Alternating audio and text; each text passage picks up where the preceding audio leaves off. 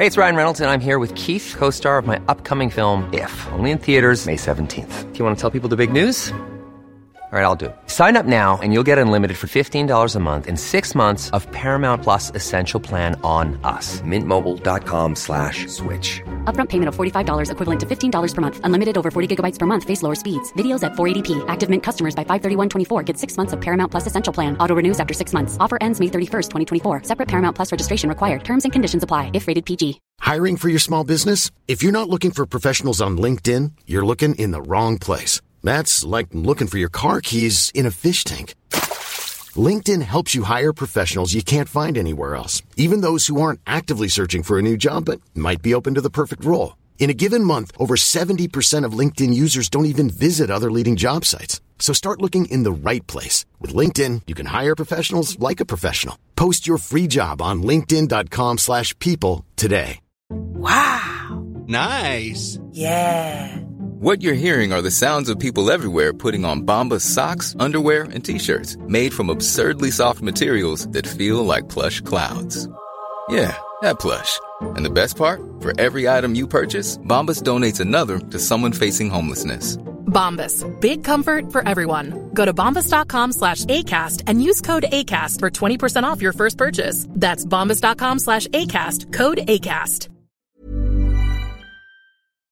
Du lyssnar på elfte avsnittet av Nyans. En feministisk true crime-podd som går igenom uppmärksammade rättsfall och ställer sig frågorna Vad har hänt? Hur ser bevisläget ut? Hur resonerade rätten och varför? Hur har debatten sett ut efteråt? Vi följer FUP till domslut, till rubriker, rapportering och reaktioner. Och målet med det här är att ge dig som lyssnar fler nyanser i ett annars väldigt svartvitt debattklimat. Och de ni kommer höra prata om det här är Hanna Bergvall, jurist och expert på den juridiska lingon, Paula Dahlberg som driver kontot Vardagsrasismen och har särskilda skills inom utvecklingspsykologi och retorik. Och Kajan Andersson som är journalist och opinionsbildare och har en särskild förkärlek för att plöja domstolshandlingar. Fallet vi ska prata om idag är mordet på Magnus Natski.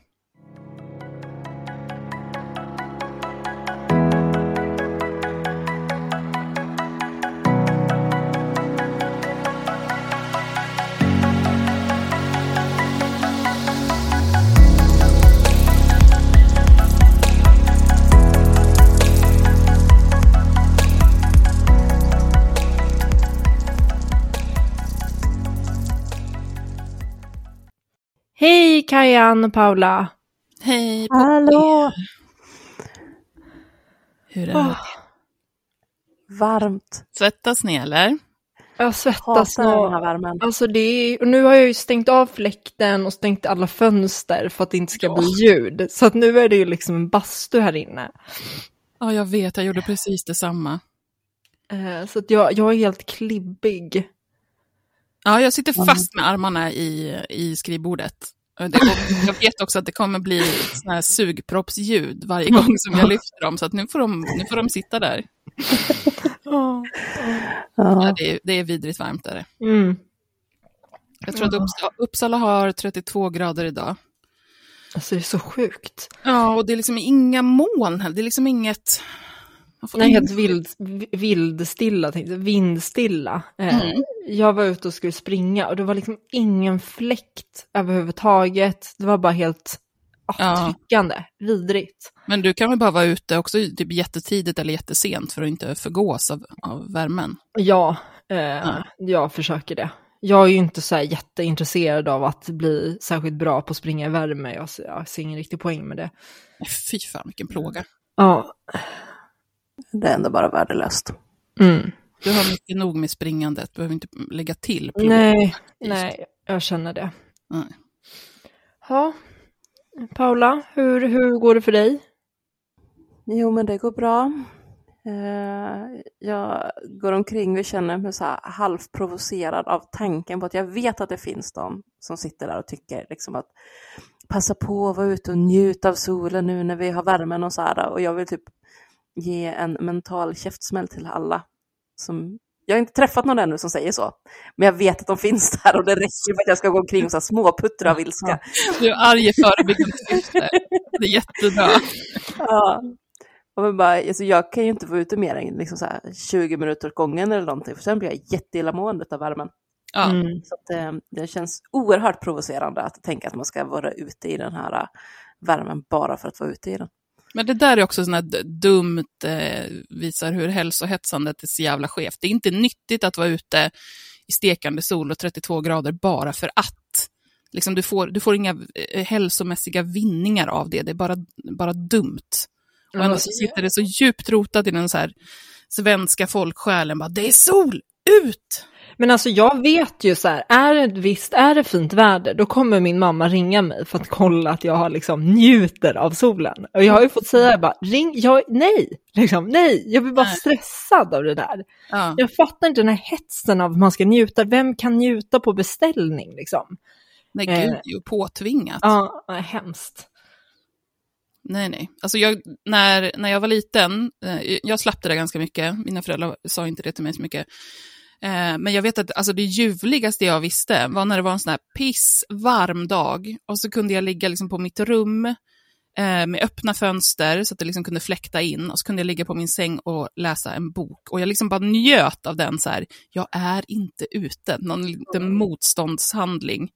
Jag är inne och njuter. Så jävla härligt. Åh, det låter skönt. Det är ju det vi gör nu, känner jag. Ja, exakt. Förutom att det här lilla kontoret är bastvarmt. Mm. Men gud vad vi klagar över vädret. Ja, ja. Nu, nu har vi fått ur oss det i alla fall. Ja. Har vi något annat vi ska klaga på?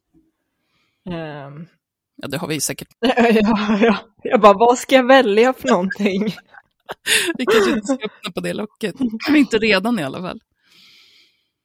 Nej, men ska vi riva av det här äh, plåstret då? Yes. Magnus, Vi kör. Magnus Natschki. Det här är, jag ska säga redan innan, det här är, det här är ett av mina värsta eh, fall. Som jag liksom, när vi sa att vi skulle ta det så var det så här, oh, jo jag kan ju det här eh, fallet för att jag har varit inne på det så himla mycket tidigare. Och i omgångar under flera år. Eh, men usch vad jag tycker att det är vidrigt. Riktigt vidrigt. Ja, alltså jag, jag har ju, eh, jag och min kompis Helena har diskuterat det här fallet i, alltså i flera år, i princip sedan det kom. Ja. Eh, och det är, det är väldigt speciellt. Eh, just på grund av liksom de relationen mellan eh, förövaren och offret i det här Ja. fallet. Eh, Precis. så att det, jag tycker verkligen att det finns en poäng med att diskutera det, men jag håller med. Det, det är, så, alltså det är så, svår, så svårt att begripa hur man hamnade här. Ja, det finns absolut en stor poäng eh, och det är jätteintressanta resonemang i domarna och sånt där som är superviktiga att, att lyfta, tänker jag. Men eh, först ska vi blunda och dyka och ta oss igenom den här, det här händelseförloppet. Och det är ganska långt. Eh, så att man får liksom stålsätta sig lite grann. Mm. Det är utdraget och det är eh, obehagligt och bitvis eh, brutalt vidrigt. Ska vi köra? Vi kör.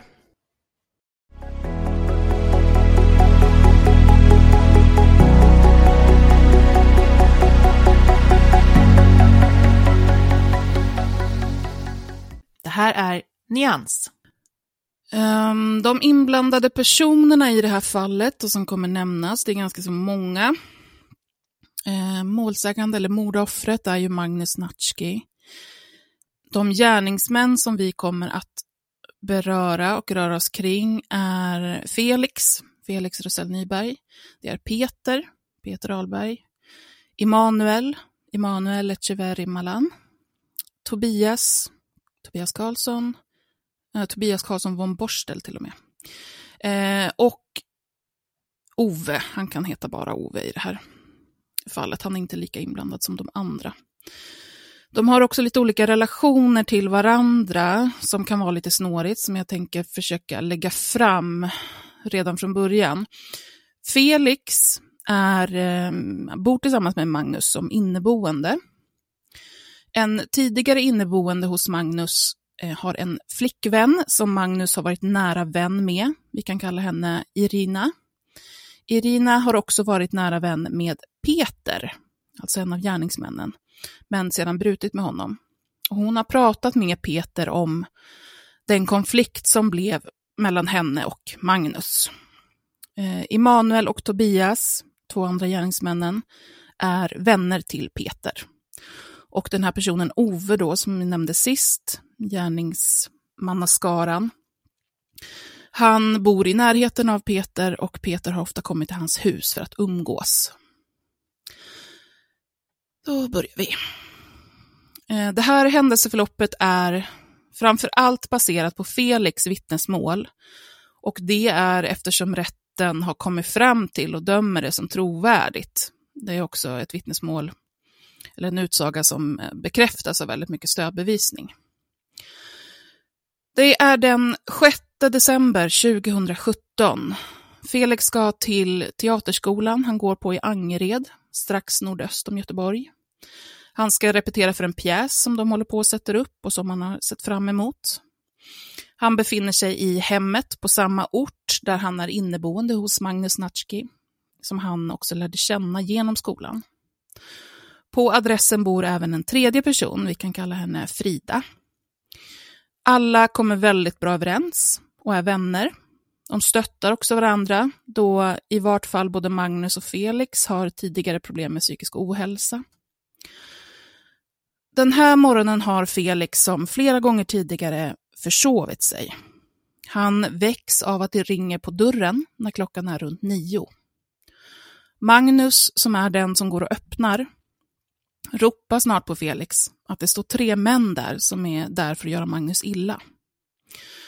De tre männen som tar sig in i lägenheten är mörkt klädda och iförda handskar. Felix vill lämna lägenheten, men det går inte att komma förbi männen eh, i hallen. Han ser hur Magnus blir upptryckt mot väggen och får ta emot slag mot ansiktet. Felix och Magnus blir förda till köket och satta på stolar där. Och Felix märker snabbt att det är Peter som är den av de här tre männen som tagit kommando över situationen, den som leder de andra. Magnus är väldigt upprörd och säger om och om igen att han inte vet varför de är där, att han inte har gjort något. De tre männen försöker få Magnus att vara tyst utan framgång. De hotar med att sätta en sax i benet på honom och de häller kokande sockervatten på hans ben. Det är nu som Peter säger att de är där för att Magnus har antastat Irinas barn och att han nu ska bötfällas för det här. Magnus är hysterisk och säger att det här har inte hänt, men männen tejpar hans mun. Eh, Magnus är homosexuell, något som de andra vet om. Och framförallt Peter och Emanuel beskrivs av sin omgivning som homofober. Och det framkommer också i vittnesmålet att det är en hel del homofoba kommentarer. Felix sitter tyst och blir tillsagd av Peter att få tyst på Magnus, något som Felix försöker genom att säga att Magnus ska försöka lyssna på vad männen har att säga. Men Magnus blir tyst först när Peter säger att de annars kommer att skada Felix också. Tobias gör en rörelse för att ta fram en pistol ur byxlinningen, men blir stoppad av Emanuel. De tre männen tar Felix och Magnus telefoner och deras ID-kort, vilka de också fotar av. Peter säger något om att de är där på kontrakt och att om någon annan med samma uppdrag som dem kommer dit och knackar på så måste de kunna visa upp de här legitimationerna. Magnus och Felix blir förda till Felix rum och där ska de sitta helt tysta. De får frågan om de vill ha en handgranat inkastad genom fönstret.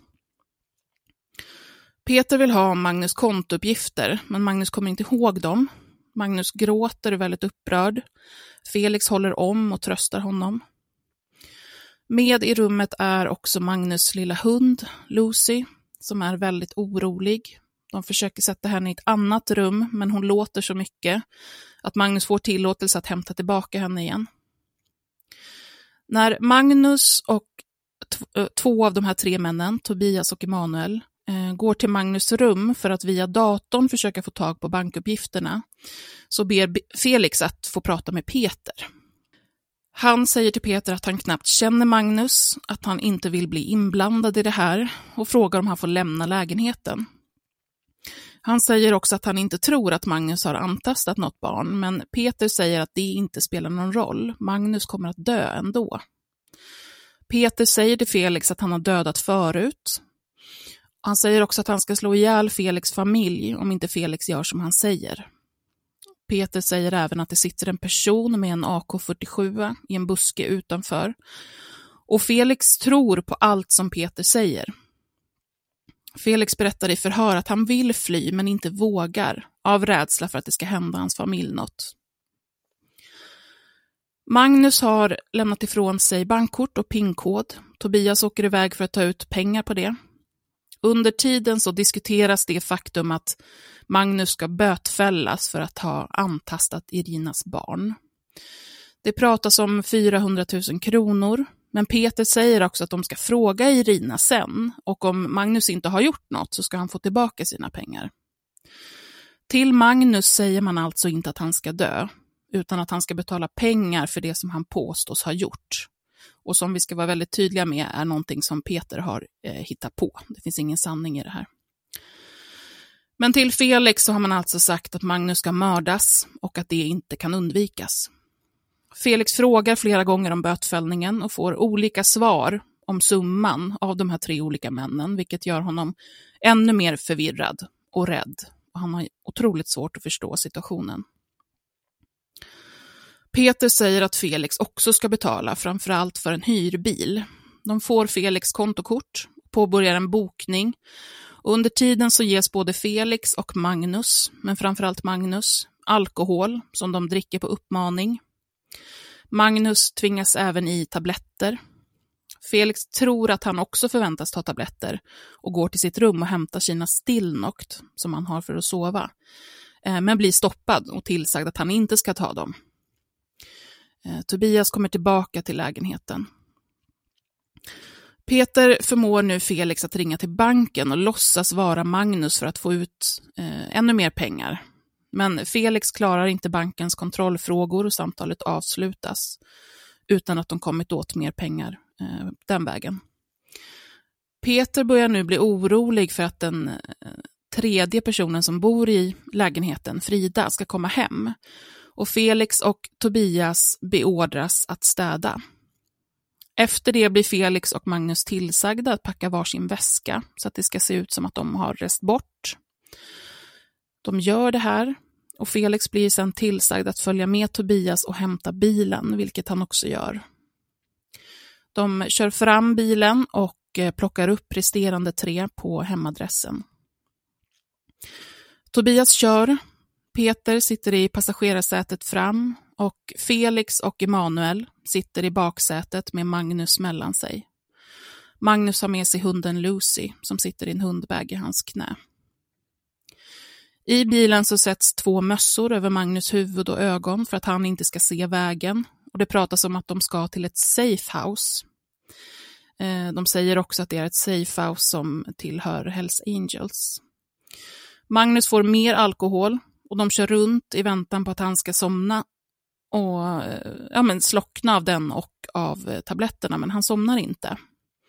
Till slut så kör de ändå till ett koloniområde och den här stugan som tillhör Ove. Klockan är nu strax efter lunch. Stugan är liten med en liten hall, ett kombinerat vardagsrum och sovrum och sen ett kök längst in. Magnus och Felix förs in i köket där Magnus sätts på en stol och binds fast. Felix får först sitta på golvet i köket och sen i det andra rummet. Ove, alltså han som äger stugan, och Tobias lämnar huset ett tag men kommer sen tillbaka. Magnus ges ännu mer att dricka, ännu fler tabletter.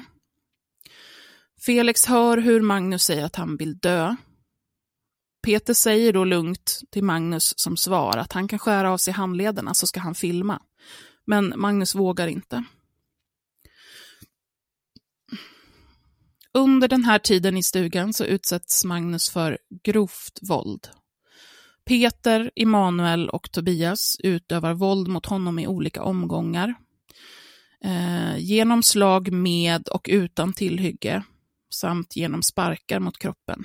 Man använder en kofot och en gummihammare. Och Felix uppmanas att delta vid i alla fall ett tillfälle. Eh, något han säger att han gjorde för att han var rädd för vad som skulle hända om han inte gjorde det.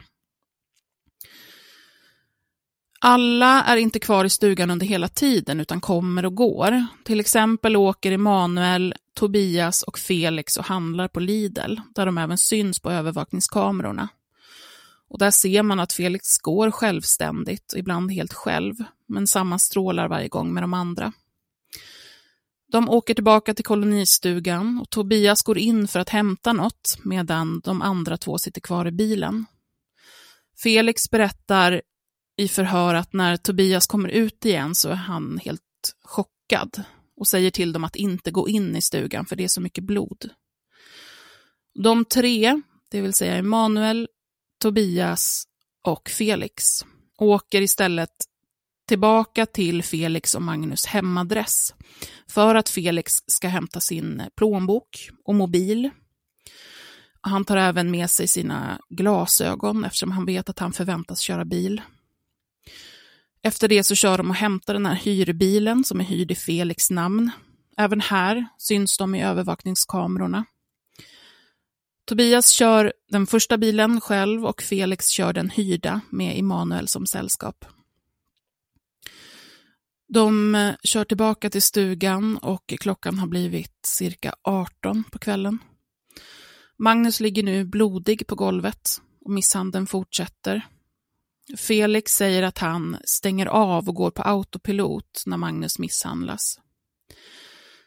Eh, vid ett tillfälle, det här är återigen Felix som berättar, så säger Magnus till Peter att Peter är en psykopat. Peter säger då att han inte alls är en psykopat utan en sociopat. Och sen fortsätter han att slå med kofoten. Magnus eh, somnar och svimmar eh, då och då. Felix beordras vid ett tillfälle att torka rent honom och det gör han. Det tas även bilder på Magnus när han ligger slagen på golvet. Peter säger till slut till Tobias att städa i stugan och sen packa ihop den och åka och bränna ur bilen. Efter det så får Tobias orden att han ska mörda Magnus. Felix berättar att han under tiden här sitter helt still i chocktillstånd och eh, det imponerar tydligen på Peter som säger att eh, Tobias borde vara mer som Felix. Det sker även någon slags inträdelserit mellan Peter och Felix, där Felix ska upptas i gänget. Um, Felix uppmanas att skära sig i handen och sen smeta blodet mot ett, ett spelkort, eh, ett damkort. Sen skulle det här kortet eldas på, men det tar inte och istället så bränns Felix hand. Men han sitter lugnt och säger ingenting. Tobias åker iväg med bilen för att slänga skräp och han kommer inte tillbaka efter det. Vid ett tillfälle så lämnas Felix och Magnus kvar i stugan själva med stugägaren Ove som ligger på sängen. Felix berättar att Ove frågar om han vill ringa polisen, men Felix svarar då att han inte vill ligga på golvet och, och bli slagen med en kofot som Magnus. Magnus vaknar till och upprepar att han inte har gjort något. Han säger att han vill dö. Han gråter och Felix tröstar. Vid 22-23 tiden på kvällen så kommer Peter och Emanuel tillbaka. Eftersom Tobias har dragit ges uppgiften att ha ihjäl Magnus till Emanuel. Ove har ett förråd med verktyg och Peter och Emanuel står och diskuterar vilka vapen som behövs och Emanuel hittar en stor yxa. Felix blir instruerad att hjälpa till. Han gör också det. Han leder ut Magnus till bilen. Hunden Lucy lämnas kvar hos Ove, eh, som Felix sen berättar att eh, Ove svarar att han ska ge hunden i, i present till sin mamma. Felix kör bilen och Emanuel sitter bredvid och instruerar hur han ska köra och vart de ska köra. I baksätet sitter Magnus. De kör länge och stannar vid en bensinmack där Emanuel säger till Felix att gå in och köpa två kolaflaskor, tömma dem och sen fylla dem med bensin eh, för att de sen ska kunna bränna ut bilen. Felix går ur och börjar, börjar gå mot macken, men vänder sen tillbaka och säger till Emanuel att han tänker fly nu. Det vill säga Felix berättar för Emanuel att nu vill Felix fly. Emanuel säger till Felix att det kan du inte göra. Och då gör inte Felix det. Felix sätter sig i bilen igen och de fortsätter. Till slut så parkerar de vid en skog och Felix går ur och hämtar påsen med yxan eh, ur bakluckan. Han berättar att han själv ville bära yxan och hämta den självmant, av vad han kommer ihåg, för att han var så rädd. Eh, han var rädd att om Immanuel bar och höll i yxan så skulle Felix själv också bli mördad. Eh, nu varnar jag för att det blir väldigt obehagligt. Eh, de går en bra bit in i skogen tills Emanuel säger till dem att stanna. Till Magnus, som fortfarande inte vet om att de tänker döda honom, så säger Emanuel att han och Felix ska turas om med att slå honom tills han är knockad. Men Felix har fått instruktioner om att han ska hugga Magnus med yxan. Emanuel ska börja slå och Felix ska hålla fast Magnus händer. Men Magnus sträcker självmant fram händerna mot eh, Felix, som inte liksom behöver hålla fast honom. Magnus slås och sparkas, han tappar medvetandet men vaknar sen till igen. Felix håller i yxan och Emanuel tar upp sin mobil och filmar. Felix ber Magnus om förlåt och sen så hugger han honom i huvudet med yxan. Magnus dör inte direkt och Emanuel skrattar, fortsätter filma och manar på Felix att hugga flera gånger, vilket han gör. Och till slut så dör Magnus. Magnus kläs av och Felix, eh, Felix instrueras att eh, han måste få av sig allt blod som har kommit från Magnus på hans eh, kläder. På vägen tillbaka till stugan gör de sig av med Magnus kläder, med Felix blodiga kläder och med yxan. Vid stugan så visar Emanuel eh, filmen för Peter. Och det bestäms att Peter, Immanuel och Felix ska åka utomlands. Felix vill inte, men det är bestämt att han ska med. Klockan är ungefär två på morgonen. De kör förbi Tobias hem. De undrar varför han bara försvann. De kastar lite sten på hans fönster men får ingen respons. Så de lämnar och börjar köra mot Danmark. Det är Felix som kör. De stannar till vid en mack. Felix blir tillsagd att gå in och handla, vilket han gör. Han syns på övervakningskameror även där. De stannar till vid en lada för att vila. Felix berättar att han låtsas sover eh, av rädsla att bli, bli mördad. De fortsätter mot Danmark och byter förare. Så Felix får sitta i baksätet och han somnar till. Resan fortsätter och Felix berättar hur Peter och Emanuel, när de tror att Felix sover, pratar om att ta honom till skogen och slå ihjäl honom. Felix känner sig säker på att han kommer att dö. Så medan bilen kör så kastar sig Felix ur bilen. En ambulans kommer strax efter, alltså bara av ren tur, och Felix springer mot den. Han berättar att han är kidnappad, att han har tvingats mörda sin vän och att de måste ringa till polisen. Den tyska polisen kommer och han blir tagen till sjukhus där han ger sin berättelse till polisen. Eh, man tror inte riktigt på honom, det låter väldigt bisarrt allting. Och först efter några dagar så blir han officiellt gripen och förd till tyskt fängelse. Han sitter ett tag i isoleringscell då man bedömer en, en hög suicidrisk. Han får ringa till sin pappa och det gör han och berättar. 19 december 2017 förs han till häktet i Sverige och den 27 januari hittar man Magnus kropp vid ett skogsområde norr om Uddevalla. Felix är hela tiden polisen behjälplig. Han är med dem och försöker vara ute och köra för att hitta kroppen.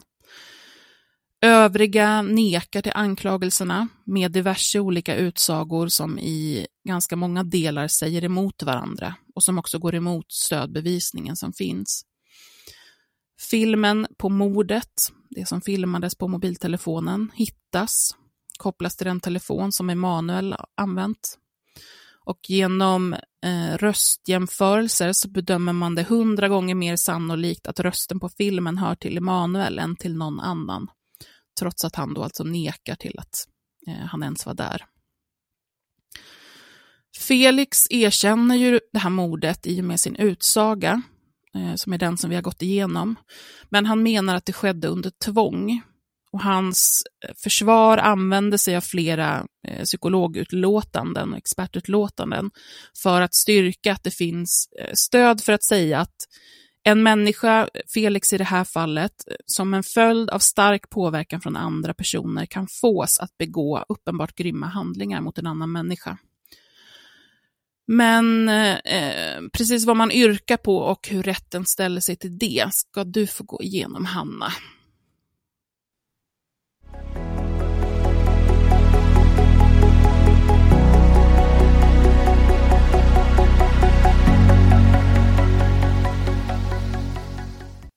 Du lyssnar på Nyans. Ja, tack Kajan för genomgången. Ja. Um, det är tufft att lyssna och jag kan tänka mig att det är väldigt jobbigt också att berätta om det här. Jag Så att jag, jag är glad att du, du gör det så att jag slipper. Ja.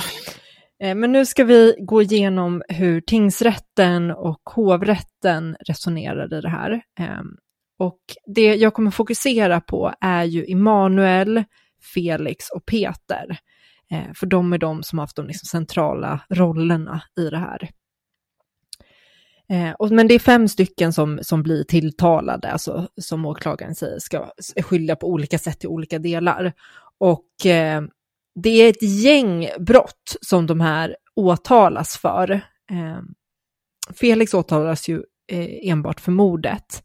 Men eh, Peter exempelvis åtalas ju för grov eh, misshandel, människorov, bedrägeribrott. Alltså, så att det är väldigt många olika delar, ringa narkotikabrott och sånt. Men vi kommer fokusera på mordet här.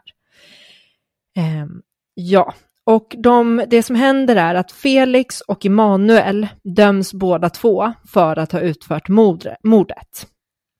Eh, Peter döms inte för det, utan för eh, människorov, rån, grov misshandel. Eh, ja, och som Kajan redan var inne på så baseras domen på det Felix berättar och det tingsrätten säger är att fel, det, det Felix har berättat får stöd av mycket teknisk bevisning och allting han säger hänger ihop. Så att man menar på att det är en trovärdig berättelse och eh, det är den man liksom utgår ifrån. Ehm, ja, eh, det man kan säga är väl att det, det är ju bevisat att det som har hänt, att det så som Felix berättar har hänt. Eh, så att den delen är uppfyllt. Eh, att ja, Magnus har dött på det sättet som, som Kajan har berättat. Det är bevisat med den tekniska bevisningen. Felix berättelse. Eh, anledningen till att även Immanuel döms är för att även fast han inte i praktiken är den som har tagit eh, Magnus liv så har han, det tingsrätten säger att han har tillsammans och i samförstånd med Felix berövat Magnus livet eh, genom att han har eh, liksom instruerat honom, filmat eh, och varit delaktig. Så att man måste inte ha varit den som faktiskt håller i yxan för att kunna dömas för ett mord, utan Mm. de har gjort det här tillsammans. Eh, Det som är mest intressant kan man väl säga med den här eh, domen är ju frågan om hur man ska se på Felix situation. Eftersom att han, det här är ju hans kompis och han har inte någon anledning att vilja ta hans liv. Så att eh, det är det som är den stora frågan, hur hanterar man det rent rättsligt? Har han haft uppsåt och så vidare? Eh, och det tingsrätten och hovrätten kommer fram till är att han, han ska dömas och det, det räcker inte med att säga att så här, ja, men han har varit i en nödsituation. Men jag ska gå igenom det lite mer noggrant. Eh, för det, det Felix hävdar är ju att han har varit i en nödsituation med tanke på att de säger att de kommer eh, döda honom, hans familj och att han också har blivit utsatt för våld, att han har anledning att vara så här rädd. Eh, och då, det, då skulle han ju kunna vara i nödsituation. Man brukar egentligen prata om två olika situationer. Dels har man ju nödsituationer eh, och sen har man ju nödvärnssituationer.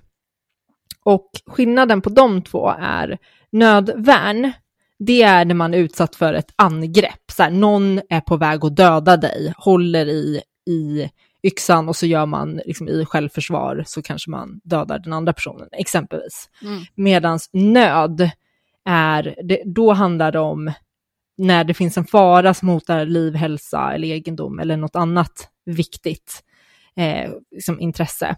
Och som ett exempel kan man säga så här, du är ute på fjället och det blir en snöstorm och du bryter dig in i någon stuga. Då kan man säga att det, det är en nödsituation. Eh, och det, det Felix hävdar är inte att han, han hävdar inte att det är en nödvärnssituation, att han utsatt för brottsligt angrepp, utan han hävdar att det är en nödsituation. Eh, och det är därför de tar in alla de här psykologerna också som förklarar varför, varför han agerar så som han har gjort. Mm. Och det tingsrätten säger är att ja, han befinner sig i en nödsituation, det gör han. Men det räcker inte med att man befinner sig i en nödsituation. Ens beteende måste också vara försvarligt. Man får inte liksom göra hur, vad som helst för att man är i en nödsituation. Eh, så att, och då är frågan, är det försvarligt att ta en annan människas liv för att man själv befinner sig i en nödsituation? Och då säger tingsrätten att nej, det är aldrig det. Och de hänvisar till litteratur, eh, alltså juridisk litteratur som säger att så här, nej, det, det kan aldrig vara berättigat att döda någon annan för att man själv är i en nödsituation. Men och då går man sedan över till att undersöka, okej, okay, nu vet vi att han, det är inte berättigat att göra så här, men det domstolarna har kommit fram till liksom, tidigare fall är att i vissa situationer kan man, an, använder man ibland mer våld eller eh, liksom, beter sig överdrivet, trots att det inte är försvarligt, men att man säger att är man i en situation där man har svårligen kunnat besinna sig, så mm. kan man ändå bli ursäktad. Eh, och då brukar man titta på liksom, mer personliga egenskaper, exempelvis om man har panikångest eller blir jätte, jätterädd, så kanske man tar i mer än vad man behöver. Eh, men då, det det, då tittar man lite på det här och man konstaterar ju så här, ja, han, han är rädd, men med tanke på att han haft dels eh, liksom den, far, liksom, vad ska man säga, han har haft ganska mycket tid att tänka igenom det här. Eh, det, är inte, det händer inte jättesnabbt, utan det är, ganska, det är ett utdraget händelseförlopp. Han har haft möjlighet att lämna flera gånger. Eh, han har inte, visst han har, han har viss psykisk ohälsa, men han har inte till exempel eh, dokumenterade svårigheter med eh, impulskontroll och liknande. Så de, gör, de sammanfattar allt det här till att så här, nej, han, han har inte varit i en situation där han svårligen kunnat besinna sig. Nej. Ja. Och de pekar väl också ganska mycket på de här, eftersom att det finns de här övervakningsfilmerna och bilderna eh, liksom vid flertalet tillfällen som de lämnar stugan, att det finns så många tillfällen och situationer där Felix hade kunnat ja, men lämna eller påkalla uppmärksamhet. Eller Exakt. Exakt. Han, han, är ju själv i stugan också då med Magnus och den här Ove vid ett tillfälle, men, men då tror ju han att Ove tillhör Hells Angels, så då ja, det ställer ju till det för honom att han, att han tror på hela den här hotbilden då som... Ja, ja. Um, och man kan väl säga att så här, det är för mycket för att tingsrätten ska kunna ursäkta det här. Så här, man, det krävs, alltså han, man kan inte döda en annan människa mot, liksom, i den här situationen. Eller liksom, ja.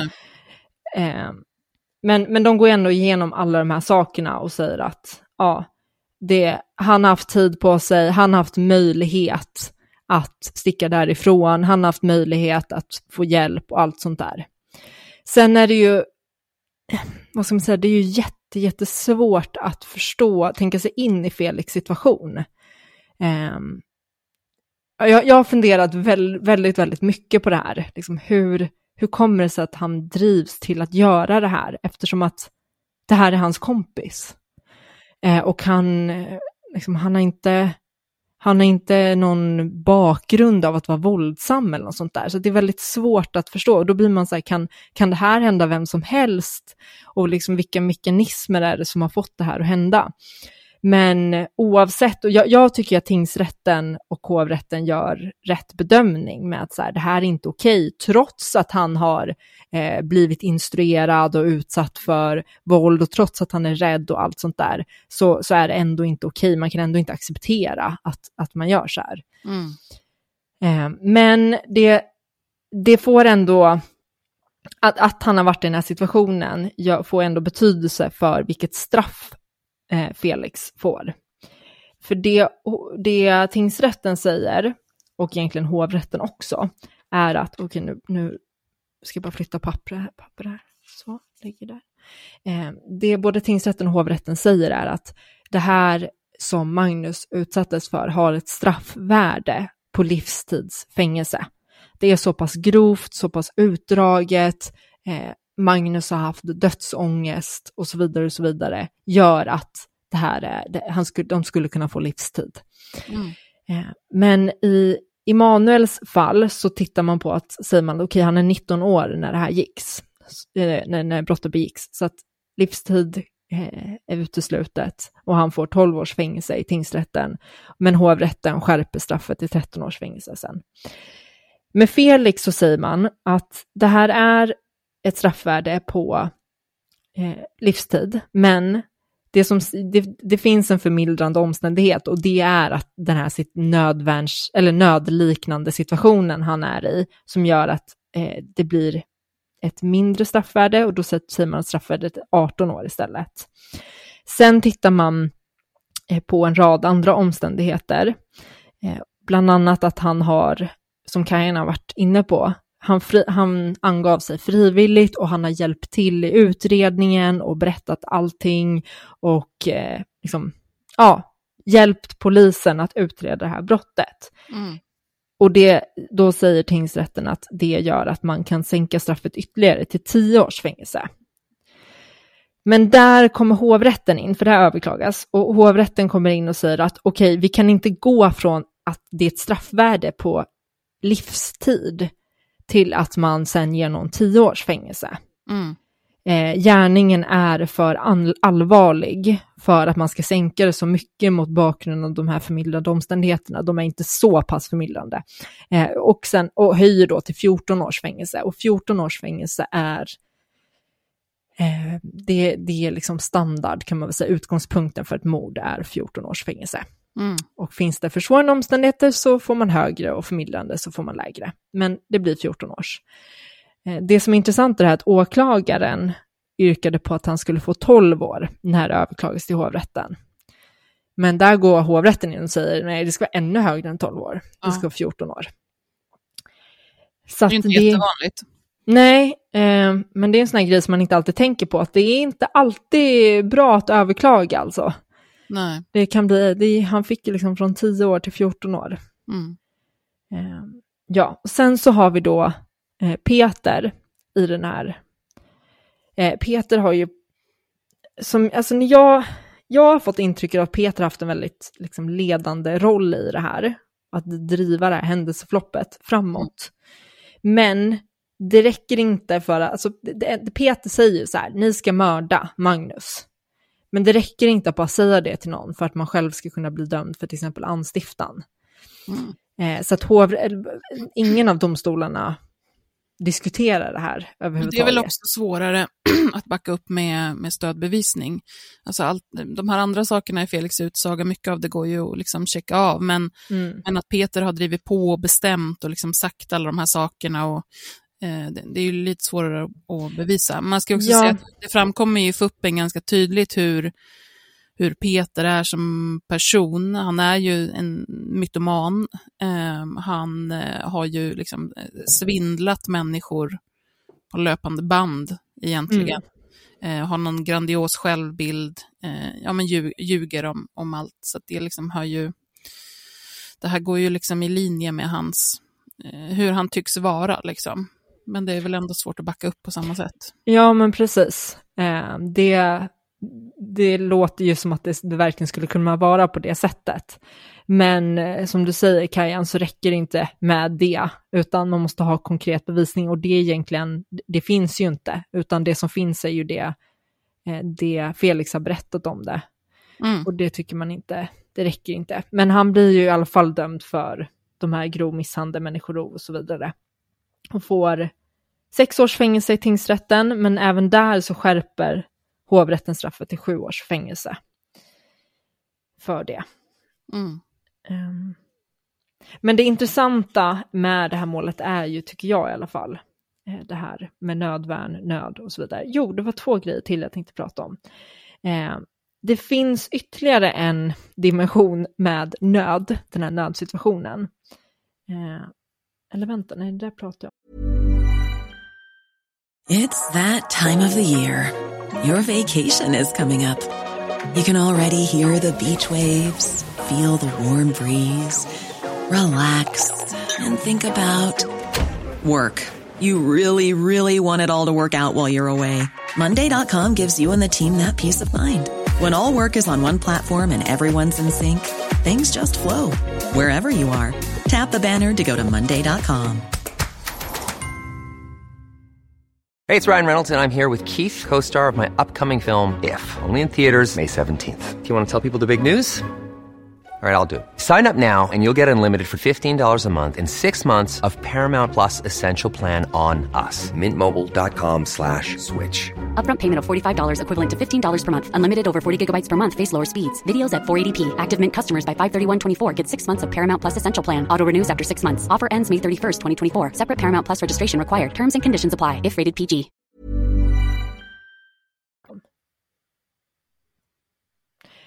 Mm, Okej, okay. sorry. Eh, jo, jag tänkte säga några ord om tvång. För Felix försvarare hävdar ju också att ja, men han har varit utsatt för tvång och tvingats till det här.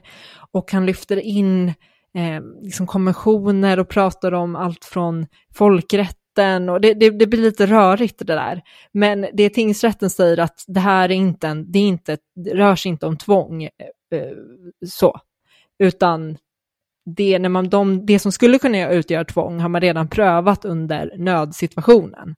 Så att man har bara ett jättekort stycke om tvång och bara säger det är inte, det är inte aktuellt här. Nej. Um, ja.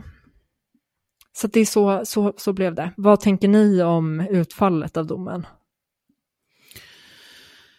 Um, ja, men det känns väl ändå rimligt. Alltså jag tänker om man utgår från, och precis som rätten har gjort, att det här Felix mm, berättar hans utsaga, att det är sant, eh, så är det, alltså det är en fruktansvärd situation och han får ju ett, han får ju ett tunnelseende som, som sitter i. Jag vet att vi pratade om det i förra i Bobby-avsnittet om det här med jag-svag och liksom hur, mm eh, hur, hur ens personlighetsdrag på det sättet kan påverka. Och Felix är ju liksom i den här situationen en väldigt lättledd person, alltså direkt från, från början, så han, han köper allt kring hotbilden, även saker som är, som Peter säger, och som är väldigt extrema, eller saker som inte går ihop och sådär. Så, så för Felix så blir det eh, sanning, liksom.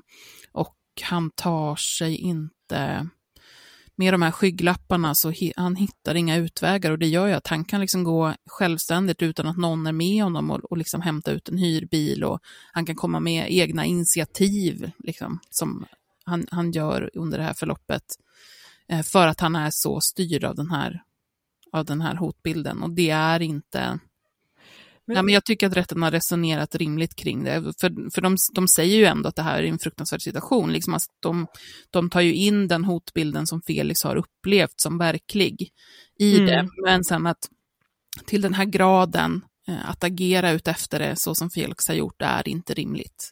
Nej men exakt, exakt. Det jag tänker på är det är på ett sätt väldigt obehagligt hur fort det här har gått. För att jag menar, vi pratar ju om kanske ett dygn, ja. eller ännu kortare tid som Felix blir liksom radiostyrd i princip ja. av det här.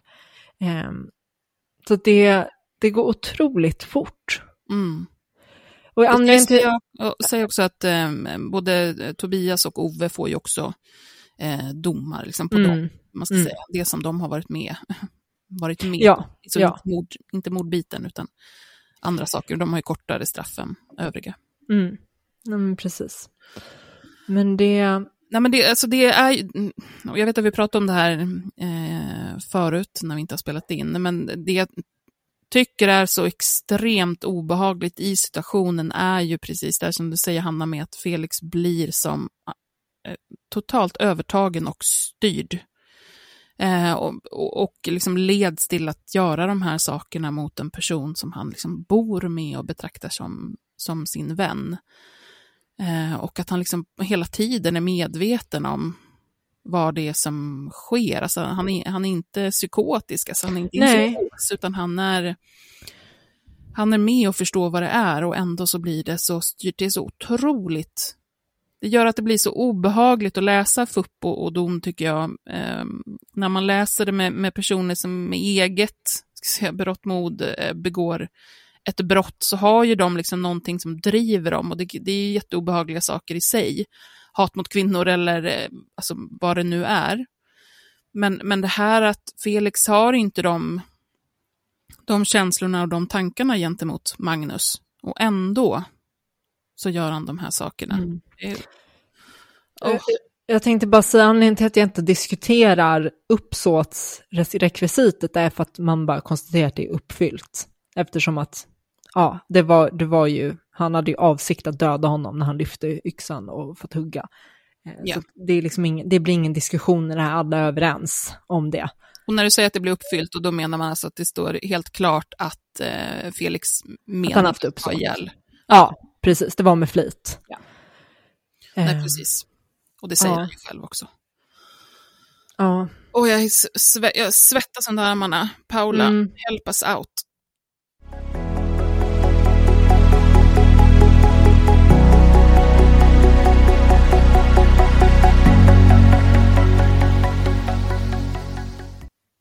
Nyans. Ja. Ehm, ja men det, alltså den, den stora debatten på det här fallet, det är ju lite det som ni har diskuterat här precis. Alltså hur långt kan man gå och hävda att man egentligen blev tvingad? Mm. Och hur, hur nära till hands ligger egentligen för oss att eh, begå våld mot andra för att vi blir beordrade att göra det, eller för att skydda oss själva. Ja.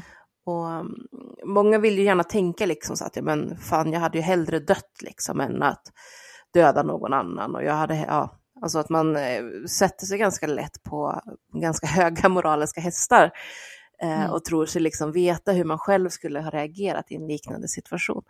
Och det var ju rätt många som ändå liksom tyckte att eh, både tingsrätt och hovrätt då gjorde fel. Att han inte alls skulle ha fått något sänkt straff för det här. För det är väl klart att han ja, inte kan hävda att han blev övertalad till att döda, utan han ville döda och han var med på det här. Och att man då liksom menar att en kallblodig mördare egentligen kom undan då på att skylla på andra, att det var deras fel att han Mm. begick mord. Men eh, man vet ju från, från tidigare tester och så här, så där man har liksom i omgångar replikerat, men det här, som det här kända testet till exempel med eh, folk som blir instruerade att de ska ge elchocker till en student. Ja. Och så blir de tillsagda att skruva upp lite grann hela tiden. Och de vet inte att eh, den som då får elstötarna egentligen inte får elstötar utan bara skådespelar. Mm. Eh, och trots att den här skådespelaren då skriker mer och mer för varje stöt och, och liksom sådär, så fortsätter de att ge mer stötar. Eh, för att de blir tillsagda att göra det och för att ingen sätter stopp. Ja. Vad som, det finns det här fängelseexperimentet också där man låste in folk eh, och eh, halva gruppen skulle vara fängelsevakter och den andra halvan skulle vara fångar. Mm. Eh, och att man då eh, de blev tillsagd i princip då att äh, använde de för mycket våld så skulle de få en varning. Eh, och eh, hände det sen igen så skulle eh, testet avbrytas och då skulle ingen få betalt. Mm. Och resultatet blev ju liksom att de började ganska snabbt testa gränserna för vad de kunde göra utan att det skulle räknas som för mycket våld. För att samtidigt då hålla pli på eh, fång, fångarna, så att säga, internerna. Ja, det gick oerhört Eh, fort. Otroligt. Ja, och det, jag tror de, tanken var att de skulle hålla på en vecka och de fick ge upp efter ungefär två dygn. Ja. För att då börja det urarta i, i våld och tortyr av fångarna. Liksom. Mm. För att ingen satte stopp. För de höll ju bara utkik efter, så här, skulle någon säga att nu gick det för långt? Skulle någon säga att nu gick det för långt? Nej, ingen sa någonting. Ja, då fortsatte de och så ökade de lite till och lite till och lite till för att få den där varningen någon gång. Mm. Ehm, och gick liksom hårt in i de här rollerna av att ja, vara fångar och vara fångvaktare. Så att det går väldigt snabbt och det är, det är många forskare som har liksom gjort de här testerna sen för man vill liksom inte riktigt tro på resultatet att det kan gå så fruktansvärt snabbt. Att vara en vanlig liksom välanpassad medborgare till att plötsligt eh, tortera folk eller begå de liksom grövsta våldsbrott. Och mycket av de här testerna kommer ju också utav att man vill liksom försöka förstå vad som händer då till exempel i naziskt Tyskland och liksom i andra situationer där det har skett eh, folkmord. Att Ja. hur kan hela befolkningen plötsligt liksom titta bort när en viss grupp ur samhället skyfflas iväg och blir avrättade i mängder. Liksom. Varför är det ingen som ser? Varför är det ingen som gör någonting? Och alla de här historierna inifrån koncentrationslägren, liksom hur snabbt det gick för, för vakter att börja tortera fångarna bara för att få komma bort ifrån koncentrationslägren. Eh, De mådde ju så dåligt av att vara där och samtidigt så satte man in belöningssystem på flera av koncentrationslägren, bland annat på Auschwitz. Mm. Att eh, torterade de ihjäl en fånge så fick de helgen ledigt. Så att då började de ju tortera ihjäl folk, fångar bara för att kunna få en helg ledigt lite nu och då. Mm. Jag ska bara slänga in eh, snabbt, eh, det här fängelse, det är så himla intressant. att säga. De tar ju också upp det i, eh, i, i domen vad Mm. gäller Magnus Natschke. Och det heter ju Stanford-experimentet, har jag för mig. Eh, Och Ja. jag vet att Vad blir det för mord har ett avsnitt om just det. Om man vill eh, Mm. lyssna mer på vad det var som hände där. Exakt. Det ska även ha gjorts ett, ett liknande test i Ryssland vid tillfälle. Eh, Det finns också en film som jag tror heter The Experiment som är löst baserat på Stanford Mm. Experiment.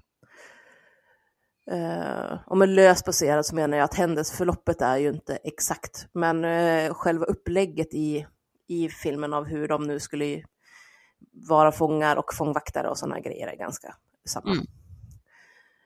Eh, Men som sagt, man har testat det här på flera olika sätt i flera olika, olika länder på olika sätt för att det, det tar emot att erkänna hur snabbt det kan gå för människor att faktiskt skada varandra. Eh, annat känt sånt här fall är ju, nu glömde jag bort vad hon hette, oh, shit. Eh, kvinnlig konstnär som ställde sig på torg med ett litet bord med grejer på och så en skylt om att eh, man fick välja Ja, vad som helst ifrån det här bordet och eh, ja, använda hennes kropp. Eh, hon skulle inte säga någonting, inte röra sig, inte göra någonting. Och eh, det tog inte heller lång tid innan eh, hennes väktare i princip fick då gå in och avbryta det hela. Och det började ju också lite så här försiktigt att man smekte hennes kind eller tog en fjäder och drog längs med kroppen, som stod naken kan ju tilläggas.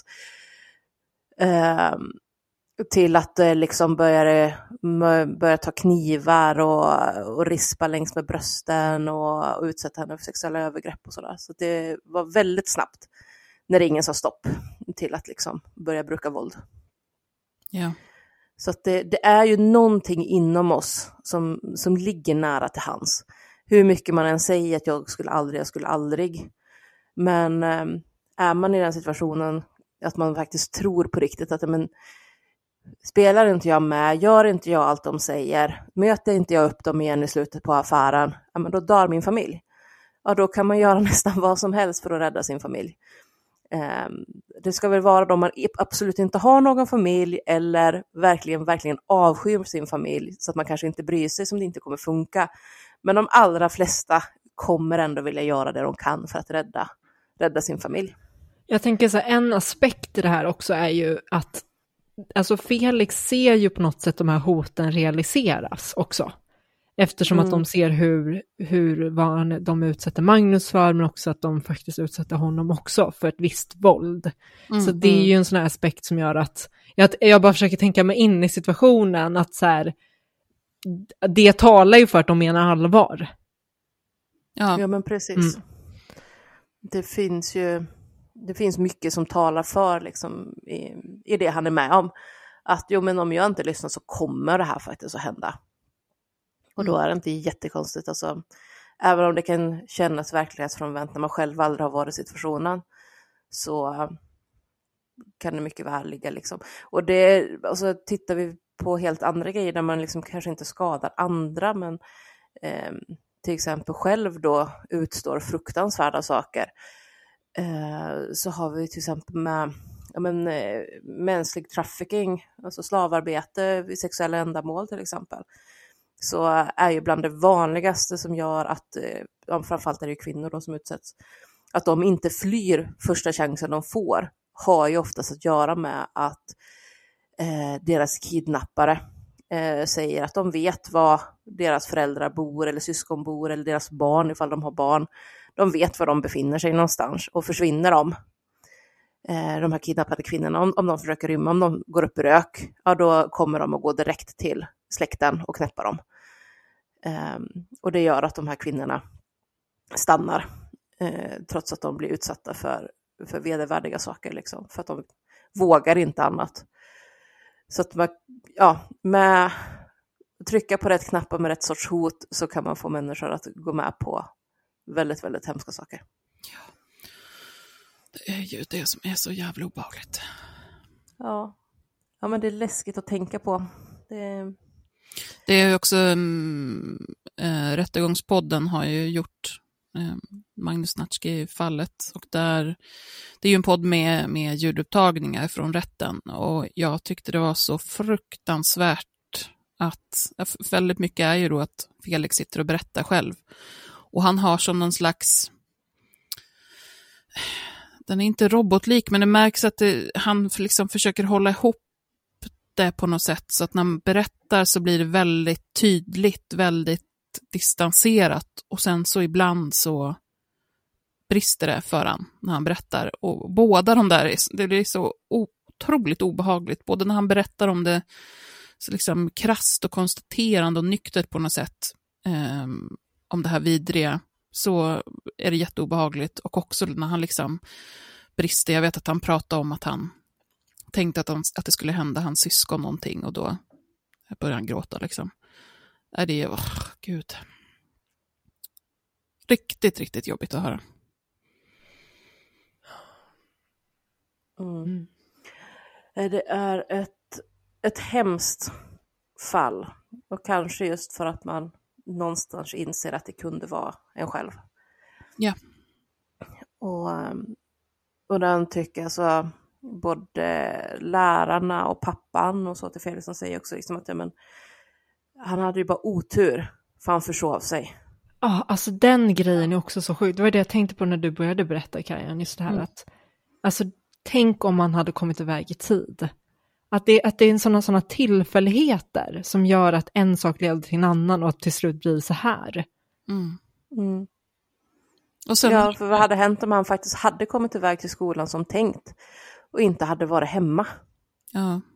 Uh... ja men för någonstans så tycker jag att man också känner det här med att, att Peter, precis det här som vi var inne på nu som med, med Stanford-experimentet och sånt, att han liksom testar hela tiden hur långt hur långt kan jag dra det? Hur långt kan man pusha Felix? Liksom, vad går han med på? När säger han, när säger han nej? När säger han stopp? Och det händer inte. Eh, så att, det är verkligen en, en svindlande tanke om, om Felix hade tagits ur den situationen, vad som hade mm. utspelat sig då. Sen är det alltid, tycker jag, otroligt obehagligt i de här brotten när det är män i grupp eh, och den dynamiken som kommer fram mellan dem med hur, hur de liksom pushar varandra och inte vill tappa ansiktet inför varandra och um, hur gruppdynamiken mm. liksom, det är jätteobehagligt. För det är ju också väldigt tydligt här hur det finns en um, någon del i förundersökningen, har jag för mig, där när man pratar med en förälder till, uh, jag behöver inte säga vem det är, om det är Emanuel eller Tobias, um, och, och där liksom i, den här killen då har kommit hem tillsammans med Peter och, och, och föräldern ser liksom hur han inte vill. Eh, han vill inte vara med på det där, han vill inte dra iväg med Peter och, och det är en obehaglig situation. Eh, men att han ändå, ändå gör det. Mm. Och blir, ja, usch.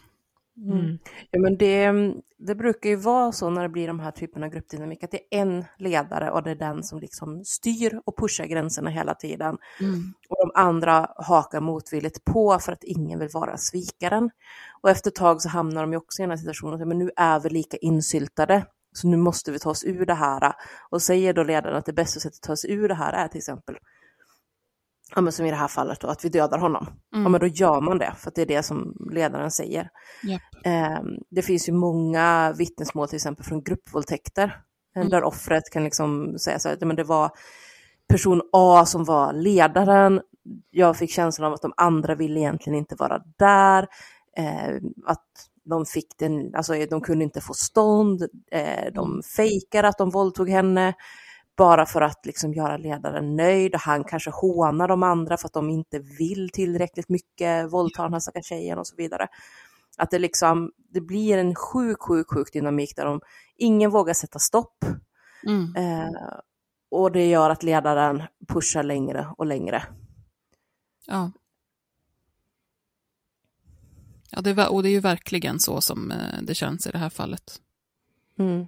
Mm. Det gör ju också att det blir, eh, nu, nu menar inte jag att, eh, att Tobias och Emanuel till exempel och Ove till viss del är i samma situation som Felix.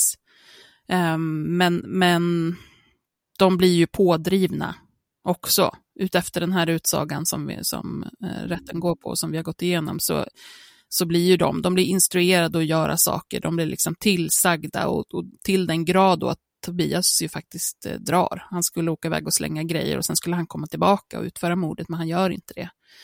Ehm, han, han försvinner ut ur det, men de andra blir ju kvar. Det är, ja. Ska vi ta en snackis istället? Ja. Ja. Ja, nu, nu blir ju inte den så jävla rolig den heller. Fan.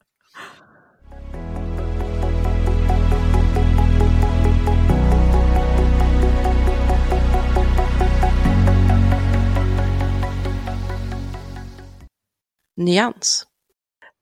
Ja, jag tänkte att den snacket vi ska ta i det här avsnittet får bli snackisen om eh, abortlagstiftningen i USA. Tjoho. Tjo, oj, vad vi känner oss uppåt eh, Mm. eller inte. Det som alltså har hänt för den som eventuellt har lyckats missa all rapportering är att Högsta domstolen i USA beslutat att domen eh, som kallas för Roe vs Wade, eh, som är ungefär 50 år gammal, nu upphävs. Och det den lagen gjorde var att stipulera att alla delstater i USA måste erbjuda säkra aborter. Oavsett vilken delstat du bor i så ska du ha rätt att göra abort. Sen får varje delstat själv, eller har då innan lagen upplevs, själv fått sätta lite abortgränser. Men jag tror att minimum har varit att man måste få göra abort fram till vecka 12. Eh, och det har gjort att vissa delstater har de haft det som abortgräns, att du får göra abort fram till vecka 12 och sen är det förbjudet. Eh, Medan i vissa av de mer liberala delstaterna, bland annat New York, så har man kört på att eh, man fick göra abort egentligen hela graviditeten. Det har inte funnits någon eh, övre gräns för hur länge man får göra abort, utan då har det varit att man bedömer det från fall till fall. Så att eh, kommer en 12-åring liksom i vecka 30 och vill göra en abort så kommer den personen typ få göra en abort. Mm. Eh, eller kan inte fostret överleva så gör man en abort oavsett när i graviditeten man upptäcker att det här fostret kommer inte att överleva. Så det har varit väldigt liksom blandat mellan delstaterna hur länge man har haft då rätt att göra abort. Men nu river man då upp det här, vilket innebär att varje delstat får själv avgöra om de vill erbjuda abort överhuvudtaget. Och en del delstater har haft det man kallar för trigger laws, vilket betyder att så fort då Högsta domstolen har ändrat en viss lag så kan då de här lagförslagen kicka in. Eh, och Missouri är en av de eh, delstaterna som har haft en sån här trigger law som har kickat in nu då, där man då förbjuder all abort eh, med undantag om eh, den gravidas liv är i fara. Så att, eh, ja, man säger så här, om personen som är gravid kommer dö eller bli ja, väldigt allvarligt skadad med livslånga men till följd av att fullborda graviditeten Mm. så får man göra abort. Men annars får man inte göra det. Och eh, gör man abort ändå så kan man få upp till 15 år i fängelse. Ehm, och just Missouri har också då sån gränsdrag, alltså grejer då i sin lag som gör att i teorin i alla fall, vi får se hur det blir i praktiken, men i teorin så kan man också då fällas för olaglig abort om man får missfall. Eftersom det är omöjligt egentligen att se om man faktiskt har fått ett missfall eller själv gjort så att man får en ja, spontan abort eller vad man ska säga. Mm. Framkallat missfallet så att säga.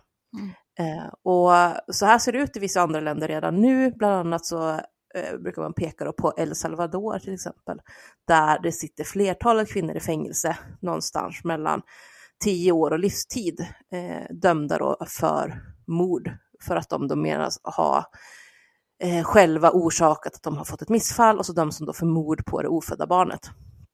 Eller i de flesta fall så är det ju då ett ofött foster. Mm. Eh, och det här är någonting som bland annat Amnesty jobbar väldigt hårt med att försöka få de här kvinnorna frigivna och har ju lyckats i vissa fall eh, kunna liksom på olika sätt bevisa genom historik, eh, chattloggar, sociala medier, sådana saker att visa att men, det här var en person som ville ha det här barnet så varför skulle hon själv ha framkallat det här missfallet? Men där det inte finns sån dokumentation så är det jättesvårt och det är många som blir dömda. Mm. Och det finns fler delstater i USA, bland annat Texas, räknar man med, utav de här konservativa delstaterna då, som man nu då väntar sig ska gå i ungefär samma riktning som Missouri. Eh, och det finns uppskattningar om att ungefär varannan delstat kommer kraftigt begränsa eller helt förbjuda abort nu. Jag tänker så en aspekt med det här med missfall är också att det är ju så otroligt vanligt med missfall. Jag vet ju att det är eh, och alltså väldigt många kvinnor nu som börjar radera sina såna här mensappar Mm. för att man då är rädd för att den här informationen ska användas av staten för att kunna så här, påvisa att antagligen så har du varit gravid.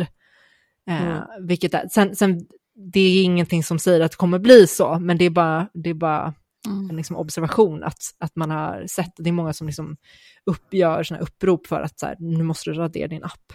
Mm. Och det är ju bland annat för att man pekar då på till exempel El Salvador där man har använt just appdata ifrån mens cykeltracking. Ehm, för att bevisa då att ja, men här kan vi ju se att du inte hade mens, alltså har du varit gravid, alltså måste du ha gjort någonting nu för att inte vara gravid längre. Mm. Ehm, sen tittar man ju givetvis, då kan man ju peka på historiken om det är så att ja, men min mens brukar kunna hoppa två, tre dagar i någon riktning. Ja, okej, fine. Då kanske det inte är konstigt om det har gått någon dag över tiden innan man liksom registrerar en mens. Eh, men skulle det plötsligt vara någonstans att någon har två, tre veckor, kanske en månad eller någonting, utan att ha fått mens och sen registrerar att nu kom den, ja men då kan det bli Alltså det som gör mig så fruktansvärt irriterad, eller ja, det är ju många grejer med det här, men en grej som jag tänkte, nu, nu var inte meningen att avbryta dig Paula. Eh, Det är ingen fara. Förlåt, jag har en tendens att göra det, känner jag, att jag bara hugger in med någonting. Men just det här med att det är den här sjuka liksom, obsession med ofödda foster, att de ska man värna i all oändlighet och att de är så otroligt viktiga. Men alla barn som redan är födda, det bryr man inte ett skit om. Nej. Jag menar, det är inte, alla de här, de här konservativa delstaterna, det är också de som vill att man typ, till exempel ska utvisa eh, massor med barn och ha barn som sitter i Texas till exempel, som sitter i eh, celler, alltså barn som sitter i fängelse för att de är illegala invandrare. Mm. Eh, det är liksom de som slår barn eh, som försöker ta sig över gränsen och alla de här sjuka grejerna separerar barn från deras föräldrar eh, när de försöker ta sig in i USA och sånt. Det, de, de, de bryr man sig inte om överhuvudtaget. Eller till exempel att ha så att barn eh, föräldrar kan sätta sina barn i förskolan. Nej, det, det ska man inte heller ha.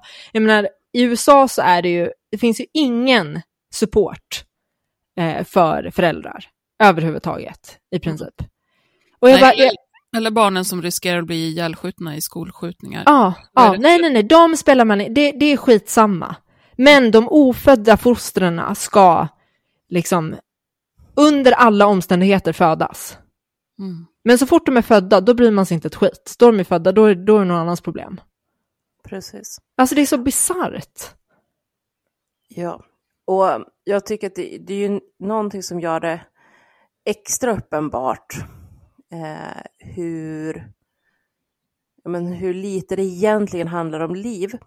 Eh, jag delar ju det här från också Missouri, deras, en, en lag som de har som lagförslag som har röstats igenom, men det har inte gått hela vägen till vad det, senaten eller något sånt där för att det ska bli verkställt som, som lag.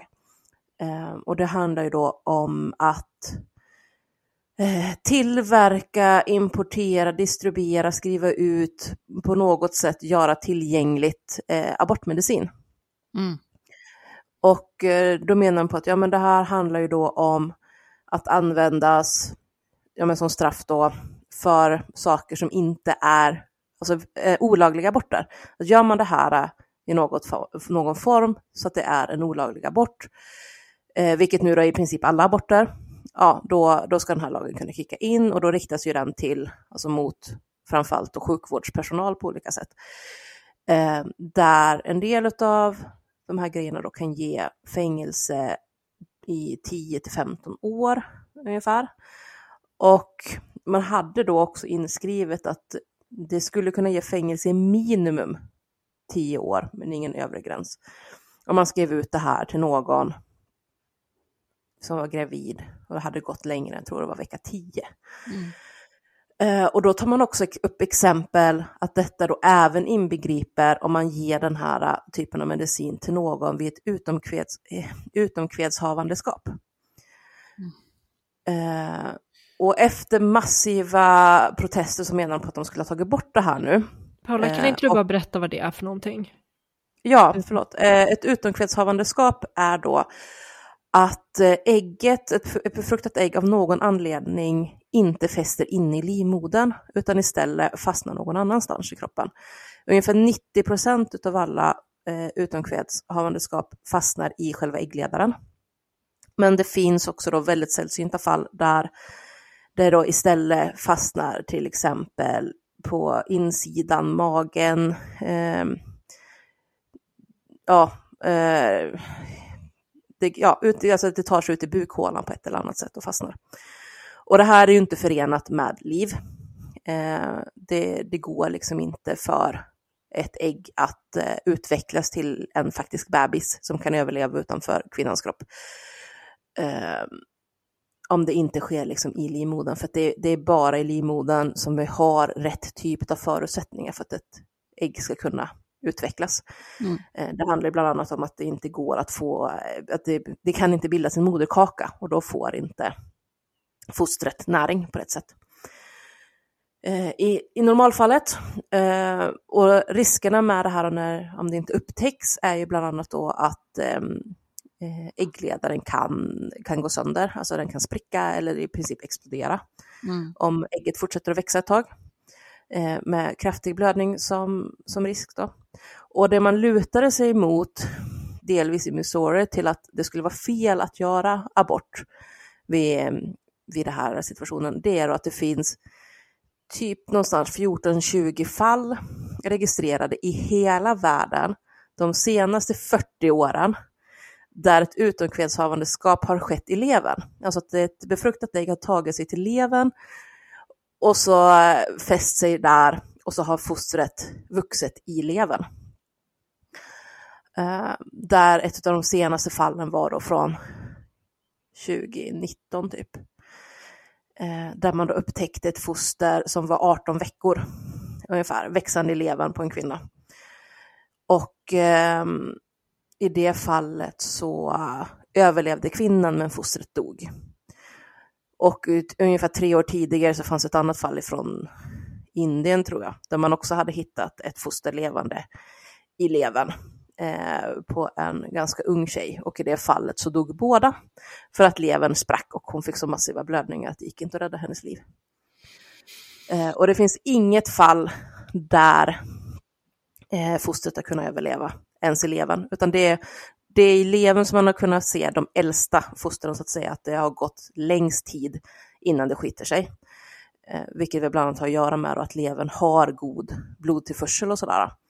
Så att det har kunnat växa ganska länge. Men förr eller senare så har levern spruckit och lett till då omfattande, omfattande blödningar som antingen då har kostat båda livet eller åtminstone fostret livet. Mm. Så det är inte på något sätt möjligt för ett foster som fäster utanför livmodern att klara sig till vecka i 22 då för att kunna ta sig ut ur kroppen och sen klara sig i kuvös. Mm. Eh, och ändå då vill man förbjuda även den typen av aborter. Jag tycker att det är så himla tydligt att det här inte handlar om ett värnande av liv och det tror jag att de flesta ser att det inte handlar om.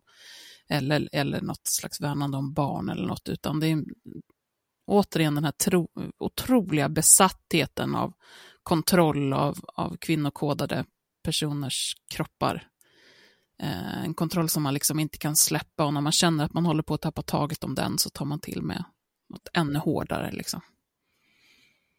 Precis. För det, och det är samma eh, i Missouri nu då med den, med den lagen som har gått igenom. Eh, som, som då också förbjuder abort eh, när man vet att fostrets liv inte kommer gå att rädda. Alltså har du en, eh, är du gravid och du på ultraljud visar till exempel att bebisen har inte utvecklats någon hjärna, Mm. så får du inte avbryta graviditeten för att slippa gå kanske 20 veckor till som gravid för att sen gå igenom en tung förlossning för att föda fram ett barn som kommer dö samma sekund som det föds. Liksom. Mm. Um, utan uh, även om liksom, i den situationen så, så menar man nu då med lagen att nej, men du får lov, du måste genomgå hela graviditeten och förlossningen uh, och föda det här barnet utan hjärna eller utan lungor eller vad det nu kan vara. Mm. Och, och anledningen till att man kör så då, det är att man menar på att ja, men det är inte säkert att läkarna har sett rätt. Det finns alltid en, en promilles chans någonstans liksom, att de har sett fel. Även om man har gjort om bedömningen flera gånger så kan de fortfarande se fel. Så att när barnet väl föds så kanske det faktiskt överlever trots allt. Men gör man då en abort så kommer barnet garanterat att dö, då får den aldrig någon chans. Och eh, därför ska man inte avbryta graviditeten no matter what. Så länge det då inte innebär som sagt att, att eh, den gravida dör. För då spelar det ingen roll, dör, dör den gravida så dör fostret oavsett. Liksom, så att, Mm. Alltså, vad, vad tror ni kommer hända nu? Alltså, vad har eh, ska jag säga, motståndet till det här för möjligheter? Vad kan man göra? Går det liksom... Alltså jag vet ju så, som, som antikapitalist så suger att behöva säga, men jag tror ju att de här storföretagen som börjar reagera Mm. i USA, alltså fortsätta sätta press, att anställda sätter press och så vidare mot sina arbetsgivare, Ja. tror jag. För att, för att USA är så ultrakapitalistiskt, Mm. att det är få saker som svider så mycket där för lagstiftare och politiker och så, som att få kapitalet emot sig. Mm. Eh, man vill hålla sig väl med storföretagen. Så att det här eh, stora eh, kedjan till exempel gick ut samma dag med ett brev till alla sina anställda. Liksom att, ja, eh, är ni bosatta i en delstat som nu kommer förbjuda abort så skulle ni av någon orsak behöva abort eller någon anhörig till er som också omfattas av våra eh, sjukvårdsförsäkringar så kan ni ansöka och få upp till 4 000 dollar i eh, stöd för omkostnader eh, för att kunna ta er till närmsta delstat som tillåter abort och göra en abort. Det är ju liksom den typen av grejer som kommer behövas, att massor med liksom, företag med pengar Mm. eh, pytsar in och säger liksom att ja, men vi kommer se till att folk kan göra aborter ändå. Eh, så att de i sin tur säger så här, men är du en av politikerna som vägrar eh, tillåta abort och fortsätter att lobba för antiabortlagar, ja men fine, då kommer inte vi att stötta din politikerkarriär. Nej. Och just donationer från företag är ju navet på många sätt i politiken i USA. Japp. Så det är vad jag tror. Det, det som också är skrämmande med det här är ju liksom att vissa av de här konservativa politikerna nu, bland annat en som är med i Högsta domstolen, för det är ju typ politiker som sitter i Högsta domstolen också, Mm. um, hade ju direkt gått ut och sagt att nu när det här är upphävt så ska vi börja titta på lite andra lagar och se vad mer vi kan häva. Mm. Där man då bland annat ville direkt då titta på till exempel att häva lagen som säger att eh, eh, gifta par ska alltid ha rätt till preventivmedel. Vilket är ganska sjukt i sig att man har en lag som säger att du måste vara gift för att vara garanterad rätt till preventivmedel, men det är en annan diskussion. Mm.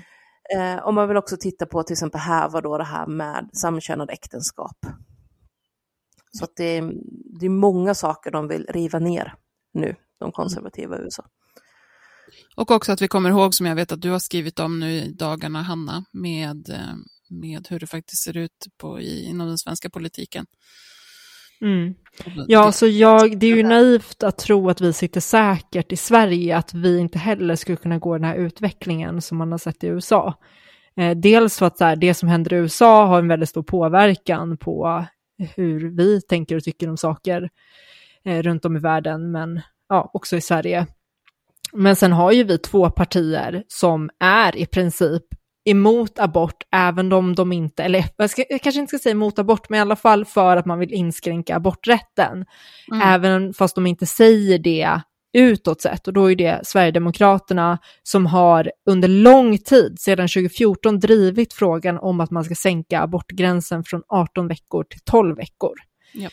Eh, och de har liksom motionerat om det här i tingsrätt jättemånga gånger, eller tingsrätten, nu är jag trött, i mm i hovrätten tänkte jag nej men ni vet, i riksdagen heter det såklart. Mm. Eh, men det var först 2019 som de från en dag till en annan bara strök det och var så här, okej, okay, nu ska vi inte prata något mer om det här. För att, och det beror ju på att i Sverige just nu så är det ju en stark opinion för att, att vi vill ha aborträtt.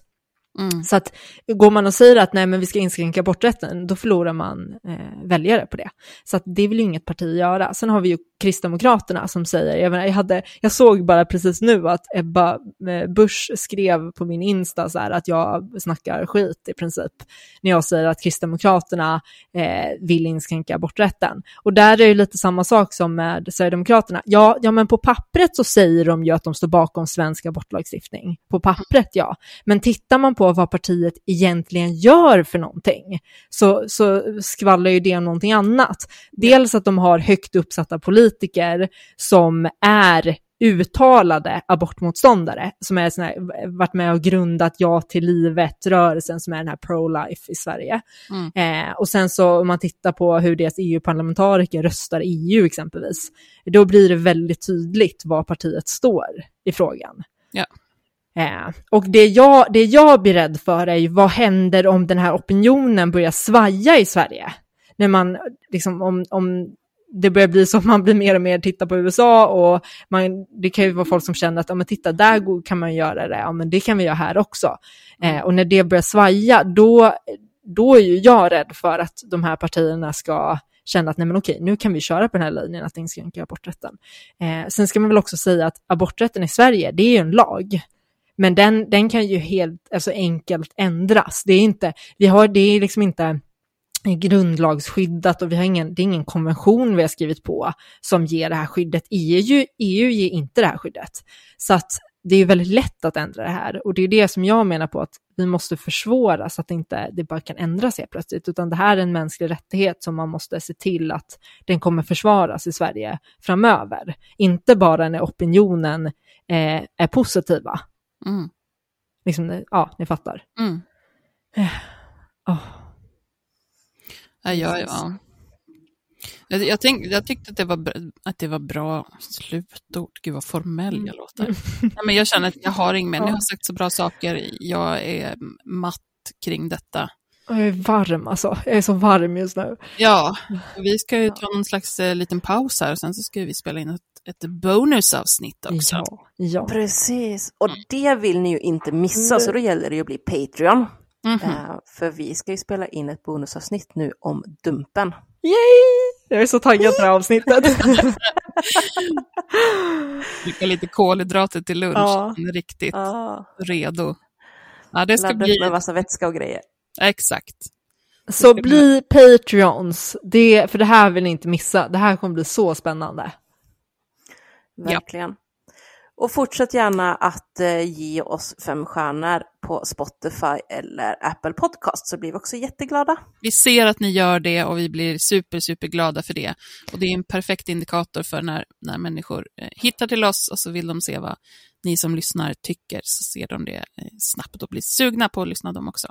Vi skickar ju så här skärmdumpar till varandra, bara åh titta, nu är det någon som har gett en stjärna, nu, nu är det Patreon, så vi blir genuint superglada och är så tacksamma för alla ni som stöttar och lyssnar och så.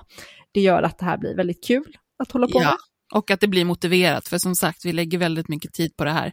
Eh, så att, att ni lyssnar och eh, uppskattar och berättar att ni uppskattar det är ju det som gör att vi kan fortsätta.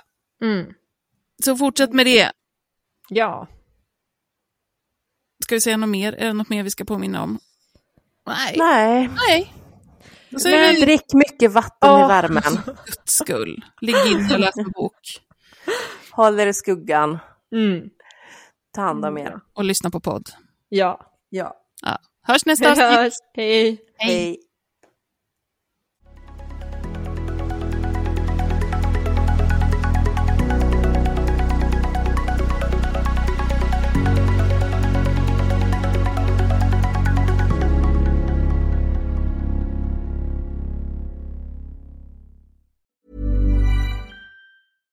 Hi, I'm Daniel, founder of Pretty Litter. Cats and cat owners deserve better than any old fashioned litter. That's why I teamed up with scientists and veterinarians to create Pretty Litter. Its innovative crystal formula has superior odor control and weighs up to 80% less than clay litter. Pretty Litter even monitors health by changing colors to help detect early signs of potential illness. It's the world's smartest kitty litter. Go to prettylitter.com and use code ACAST for 20% off your first order and a free cat toy. Terms and conditions apply. See site for details. Planning for your next trip? Elevate your travel style with Quince. Quince has all the jet setting essentials you'll want for your next getaway, like European linen, premium luggage options, buttery soft Italian leather bags, and so much more. And is all priced at 50 to 80% less than similar brands. Plus, Quince only works with factories that use safe and ethical manufacturing practices.